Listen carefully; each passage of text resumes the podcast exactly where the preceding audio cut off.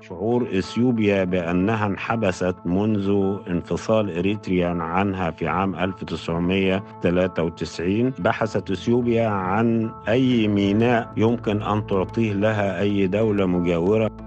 وقعت إثيوبيا وأرض الصومال سوماليلاند المنفصل عن الصومال مذكرة تفاهم تمنح أديس أبابا منفذا بحريا مساحته 20 كيلومترا مربعا لمدة 50 عاما.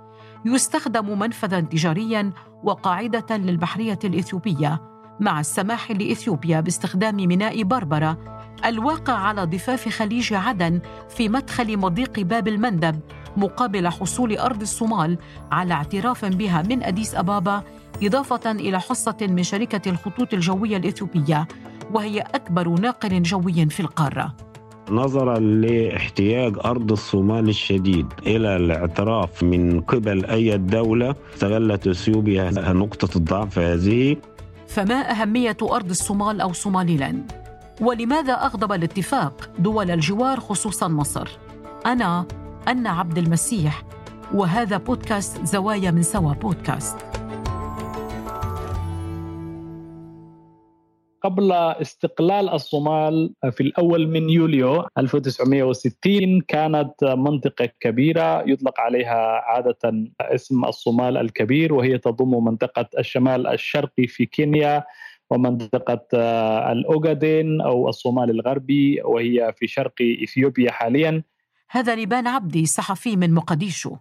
في العام 1960 وتحديدا في السادس والعشرين من يونيو استقلت منطقة أرض الصومال. وقتها لم تكن تحمل هذا الاسم. كانت تعرف بالصومال البريطاني بمعنى اللي تخضع للسيطرة البريطانية. استقلت ولكن لم يتم الإعلان عنها كجمهورية لكنها انتظرت آه، لمدة أربعة أيام فقط بحيث كان أيضا من المقرر أن تستقل الأقاليم الجنوبية للصومال أي مقديشو. آه، وبالتالي كان هنالك تنسيق بين الحركات التحررية في أرض الصومال وفي الصومال آه، الجنوبي واتفقوا في بشكل مسبق على أن أن يتحدوا بعد الاستقلال. وبالتالي بعد السادس والعشرين من يونيو انتظروا لأربعة أيام توجهوا إلى مقديشو وحيث أيضا نالت آه، مقديشو أو المناطق الجنوبية للصومال استقلالها من الاستعمار الإيطالي. وبذلك ظهرت إلى العلن جمهورية الصومال المستقلة وهي من إقليمين شمالي وجنوبي. عرف الصومال الحكم المدني الديمقراطي والتداول السلمي للسلطة حتى عام 1969 بعدها تسلم محمد سياد بري الحكم في انقلاب عسكري وظل في السلطة حتى العام 1991 في 1991 بعد انهيار وإسقاط نظام العسكري في الصومال حصل شيء من التشتت أو ما يمكن وصفه بالتشرذم في الصومال بشكل عام، في ذلك الوقت بالتحديد اعلنت إقليم أرض الصومال أعلن انفصاله عن الصومال. لبان عاصمة لاند هرجيسة مما يتكون هذا الإقليم. المناطق تضم مدينة هرجيسة وهي ثاني أكبر مدن البلاد وهي ليست بعيدة عن الحدود الإثيوبية إذا ذهبنا إلى الشمال. عدد سكان أرض الصومال يتراوح بين ثلاثة ونصف وأربعة آه، ملايين نسمة آه، وفق الإحصاءات غير الرسمية. هكذا آه، هو هي صورة بشكل عام. لا توجد تركيبات تختلف عن باقي الصومال. كلهم صوماليون ولا يوجد ناس من جنسيات أو إثنيات أخرى تعيش في هذه المنطقة. الفارق الوحيد هو أنها كانت هذه المنطقة في السابق كانت مستعمرة بريطانية على عكس المناطق الجنوبية التي كانت آه، مستعمرة إيطالية ولا توجد فروق أخرى. كانت تتميز هذه المنطقة منذ أن أعلنت انفصالها عن الصومال. كانت تتميز بأنها كانت نسبيا هادئة لم تكن تحدث أحداث أمنية أو أو أعمال عنف إضافة إلى أنهم نجحوا في آه، ضبط الأمن وإجراء انتخابات آه، بلدية. آخر رئيسين في هذه المنطقة تم انتخابهم شعبيا عبر انتخابات مباشرة آه، جرت في الإقليم. لكن إلى الآن لم تحصل على اعتراف من أي جهة إقليمية أو دولية. لبان أنت من مقديشو هل زرت أرض الصومال؟ في الفترة الأخيرة لم أزر منذ العام 2013 وفي 2016 آه، وأنا في طريقي إلى آه، السعودية توقفت عندها في مطار عقال بهرقيسة قليلا ولكن لم أدخل إلى هرقيسة والمناطق الأخرى. لم أتردد عليها لأسباب تتعلق بأنني كنت مرتبط بالعمل الحكومي بعض الشيء وهذا آه، له حساسية معينة عندما تكون مرتبطا بالعمل الحكومي هنا في مقديشو. طيب كيف هي العلاقة مع حكومة مقديشو؟ النظام الداخلي مثلا القوانين وغيرها. عندهم عملة محلية تسمى بالشلن كما هو الحال بالنسبة للصومال. هنالك دول آه، في المنطقة تستخدم عملة الشلن وهي تضم الصومال واقليم ارض الصومال هذا الانفصال نفسه إضافة إلى كينيا كذلك آه، أوغندا. بالنسبة للأوراق أو أو الأوراق الثبوتية كالجوازات وإلى آخره. يعني هم ليسوا معترف بهم من أي جهة إقليمية أو دولية بالتالي لا يزالون يتقاسمون الجواز مع الصومال، الجواز الصومالي هو المستعمل في هذه الأقاليم، فيما يتعلق بالتحرك بالنسبة للسكان في إقليم أرض الصومال لا فرق بينهم وبين أي صومالي آخر في أي منطقة صومالية أخرى، لأن الحكومة الفدرالية في الصومال لا تنظر إليهم على أنهم سكان من دولة أخرى، إنما سكان آه، يعيشون في دولتهم، لا يخضعون لأي صعوبات في فيما يتعلق بالتنقل من هرقيسة إلى مقديشو إلى المناطق الأخرى من الخارج أو إلى الداخل، أما بالنسبة للسلطات في أرض الصومال إقليم أرض الصومال الانفصالي فهم عادة لا يسمحون للمسؤولين الحكومة الفدرالية في مقديشو أن يسافروا إلى منطقتهم أو إلى هذا الإقليم لأن هذا سيضفي شرعية على الحكومة وهذا يعطي أيضا انطباعا بأن الحكومة الفدرالية هي التي لا تزال تسيطر على الوضع، هم يمثلون يعني هنالك تمثيل للمناطق الشمالية أو أرض الصومال في البرلمان الصومالي وفي الحكومة الصومالية بشكل عام، الكابينت، مجلس الوزراء، نائب رئيس الوزراء، رئيس المحكمة العليا في الصومال، رئيس مجلس الشيوخ وزراء مجموعة من الوزراء كلهم من إقليم أرض الصومال إضافة إلى أكثر من 60 أو كم وأربعين نائب في البرلمان الفدرالي في الصومال ينحدرون من إقليم أرض الصومال، ولكن الأمر السياسي هم يصرون على الانفصال والحكومة في مقدشو تصر على التفاوض والتوصل إلى نتيجة ومتشبثة بالوحدة وعدم تقسيم الصومال. طيب كيف يمكن شرح الأهمية الاستراتيجية لصوماليلاند؟ هذه المنطقة هي التي تطل على البحر الأحمر وهي أقرب من بقية جمهورية الصومال إلى البحر الأحمر ومضيق باب المندب وخليج عدن إلى آخره وهذا الممر المزدحم والمهم جدا. أهميتها في المقام الأول تكمن في هذا إضافة إلى أنها أقرب أيضا إلى الحدود الإثيوبية هذا فيما يخص أرض الصومال ومظاهر الحياة داخلها وعلاقاتها التاريخية والسياسية مع الصومال لكن لبان ماذا عن علاقة الصومال بإثيوبيا؟ في عام 1977 خاض الصومال وإثيوبيا حربا وصفت بالقاسية ماذا حدث حينها؟ تعرض الجيش الصومالي لما يمكن وصفه بالنكسة لم يحقق الهدف الذي من أجله شن الحرب مع إثيوبيا. وبدأت حركات التمرد تظهر أكثر وكان من بين هذه الحركات حركة SNM Somali National Movement وهي حركة ذات طابع شمالي أو قادة هذه الحركة كانوا كلهم من منطقة أرض الصومال. وكانت تكافح من أجل إسقاط الحكم العسكري في مقديشو. وكانت أيضا مدعومة من إثيوبيا. بعد هذه الحرب بين إثيوبيا والصومال كلتا الدولتين بدأتا حروب بالوكالة. كل دولة كانت تستضيف حركات معارضة مسلحه تزودهم بالسلاح والمال وكل شيء والدعم السياسي. فكانت هذه الحركة ضمن الحركات التي كانت تتخذ مراكز ومواقع عسكرية لها في إثيوبيا. وكانت من هناك تنطلق وتهاجم على الصومال والحكومة العسكرية. غضب من نوع آخر بين إثيوبيا والصومال بداية العام 2024 عقب توقيع رئيس وزراء إثيوبيا أبي أحمد وموسى بيحي عبدي رئيس إقليم أرض الصومال سوماليلاند مذكرة تفاهم تمنح إثيوبيا منفذا بحريا مقابل حصة في شركة الطيران الإثيوبية ووعد بالاعتراف بها. وقعت إثيوبيا الدولة غير الساحلية اتفاقا مبدئيا مع الصومال لاستخدام ميناء بربرة على البحر الأحمر. وسط تشنجات سياسية استدعت الحكومة الصومالية سفيرها لدى إثيوبيا على خلفية توقيع الأخير اتفاقا مع أرض الصومال الانفصالية. لماذا لجأت إثيوبيا إلى أرض الصومال؟ سألت الخبير في الشؤون الإفريقية في مركز الأهرام للدراسات عطية عيسوي.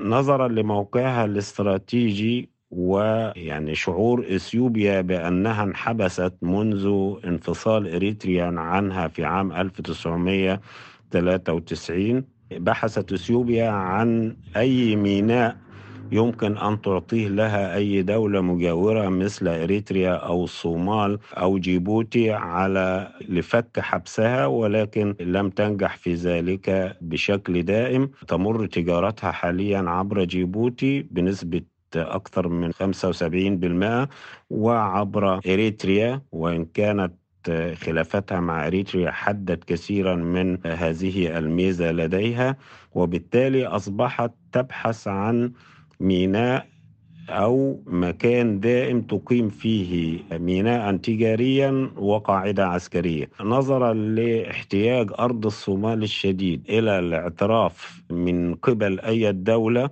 استغلت اثيوبيا نقطة الضعف هذه ووقعت معها مذكرة التفاهم التي تقضي بمنحها 20 كيلومترا لمدة 50 عاما على ساح خليج عدن ساحل أرض الصومال لإقامة قاعدة عسكرية وإقامة ميناء تجاري تستخدمه في صادراتها ووارداتها إثيوبيا تعرف تزايدا سكانيا متسارعا وهي لا تطل على أي سواحل بحرية ماذا عن باقي التحديات؟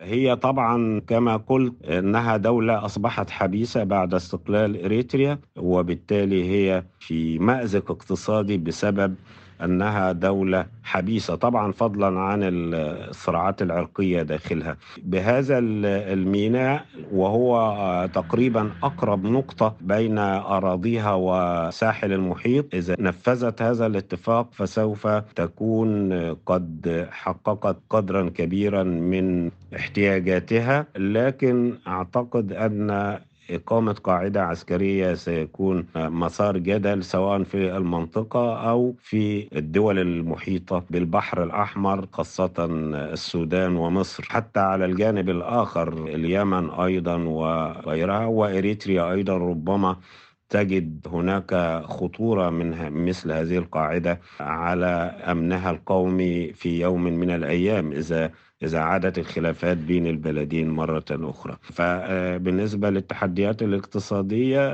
هي كثيرة ومع ذلك حتى لو نفذت أو حصلت على هذا الميناء أعتقد أنها ستضطر إلى مواصلة تصدير منتجاتها واستيراد وارداتها عبر ميناء جيبوتي كما هو الآن. وربما أيضا عبر آه، ميناء في كينيا من باب التنوع تحسبا لأي خلافات في المستقبل تؤدي إلى قطع هذه الصادرات والواردات. الاتفاق أو مذكرة التفاهم بين لاند وإثيوبيا، ما أهميتها؟ هو مذكرة تفاهم وليس اتفاقا كاملا مذكرة التفاهم هي مجرد آه، إعلان نوايا غير ملزم لأنه لم يتم التصديق عليه من البرلمانين برلمان أرض الصومال وبرلمان إثيوبيا. بعد ولم يأخذ صفة الاتفاقية الملزمة. إثيوبيا تعلم أن أرض الصومال غير معترف بها وأن حكومتها ليس لها قرار نافذ آه، بالنسبة للقانون الدولي. لا يمكن الاحتجاج به لدى الأمم المتحدة مثلا عند أي خلاف أو لدى الاتحاد الإفريقي أو منظمة إيجاد أو غير ذلك. لكن هي تريد أن تصل إلى الساحل المحيط الهندي بأي شكل من الأشكال أقصد إثيوبيا. وسبق أن قال رئيس الوزراء الاثيوبي أبي أحمد إنه لا أحد يعلم الآن ما يمكن أن يحدث في المستقبل إذا لم يتم منح إثيوبيا منفذ على المحيط أو على البحر بشكل سلمي. هذا أشتم منه تهديدا من قبل إثيوبيا أو من قبل أبي أحمد إنه لدول الجوار بأنه إذا لم يتعاونوا ويعطوه هذا المنفذ فمن الممكن أن يتم ذلك عن طريق القوة العسكرية. صعد التوتر في منطقة القرن الأفريقي حيث أعلنت الحكومة الصومالية أن لا مجال للوساطة في خلاف مع أثيوبيا ما لم تنسحب الأخيرة من اتفاق بحري مثير للجدل. حكومة مقديشو احتجت بشدة على الاتفاق سندتها مواقف معارضة لدول الجوار. عطية عيسوي أنت متابع للقضايا الإفريقية. ما هي أبرز ردود الفعل خصوصا مصر؟ رد فعل الدول المجاورة كما قلت هو آه، على استحياء قالت دول القرن الإفريقي مع كثير من الدول المهتمة بالأمر إن هذا الاتفاق مخالف للقانون الدولي وينتهك أراضي وحدة وسلامة أراضي الصومال. لكن لا أظن أنها ستفعل أكثر من ذلك.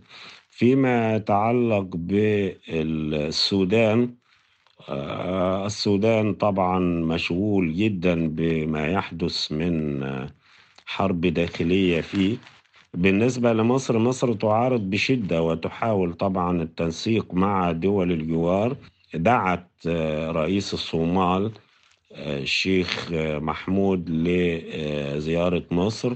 وتنسق مع السودان ومع جيبوتي ومع إريتريا ومع دول أخرى لمواجهة هذا الموقف ومنع إقامة قاعدة عسكرية آه، إثيوبية على الساحل في أرض الصومال لأنها آه، عند بسبب الخلاف التقليدي بين مصر وإثيوبيا يمكن أن تهدد الملاحة في قناة السويس عبر البحر الأحمر.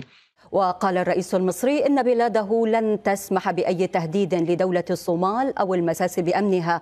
إحنا مش هنسمح إن حد يهدد الصومال. ومش هنسمح إن حد يمس الصومال. وأنا بقول الكلام ده بمنتهى الوضوح. ما حدش يجرب مصر. ما حدش يجرب مصر. ويحاول يهدد أشقائها خاصة لو أشقائها طلبوا إن إحنا نبقى موجودين معهم طيب إلى أين يمكن أن تصل الأمور بين مصر وإثيوبيا؟ هل هما مثلا في حرب باردة؟ الحرب اللي موجودة حاليا حرب إعلامية يعني بين مصر وإثيوبيا بسبب سد النهضة ولكن ربما المصطلح الحرب الباردة أوسع بكثير من الحرب الإعلامية الحرب الباردة قد تشمل مساعدة خصوم إثيوبيا بوسائل كثيرة آه، لمواجهة إثيوبيا آه، في مثل هذا الأمر. وطبعا هذا يشمل مساعدات اقتصادية مساعدات فنية وربما مساعدات آه، عسكرية.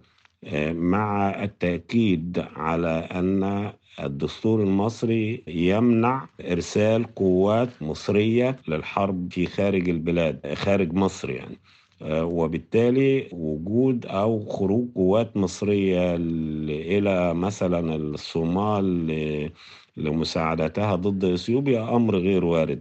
لكن آه، أنواع المساعدات الأخرى يمكن أن تحدث إذا استمر التعنت الإثيوبي وإذا شعرت استمر شعور مصر بتهديد أمنها القومي آه، لأن إثيوبيا قد بسبب خلافات سد النهضة على سبيل المثال قد آه، تطلق أيدي القراصنة لاختطاف السفن وتهديدها وبالتالي في مدخل البحر الأحمر وبالتالي إجبارها على تحويل اتجاهها إلى رأس الرجاء الصالح. الأمر الذي يحرم مصر من جزء كبير من عائدات قناة السويس. فضلا عن المبدأ وهو عدم المساس بسيادة وحدة أراضي الصومال. مصر تريد الحفاظ على أمنها القومي. تريد أيضا مساعدة دولة شقيقة بمقتضى ميثاق الدفاع المشترك تابع للجامعة العربية. وأيضا بحكم العلاقات الوطيدة بين مصر والصومال. مصر قدمت الكثير للصومال منذ الاستقلال. الولايات المتحدة والاتحاد الأوروبي دعما موقف الصومال وشددا على احترام وحدة البلاد مع دعوة إلى الحوار لحل هذه الأزمة. فهل تتراجع إثيوبيا وأرض الصومال عن مصالحهما؟ كان هذا بودكاست زوايا من سوا بودكاست من إعداد وكتابة أن عبد المسيح. مراجعة وتدقيق عبد العالي الزهار. مكساج ميراس عريان. إشراف سوا بودكاست محمد فاروق عبد الرحمن. وأنا أنا عبد المسيح. إذا أعجبكم ما نقدمه الرجاء الاشتراك وتقييم الحلقات على منصات الاستماع للبودكاست. وأرسلوا لنا تعليقاتكم واقتراحاتكم على منصات التواصل الاجتماعي. نلتقي في موضوع جديد في بودكاست زوايا هذا الأسبوع.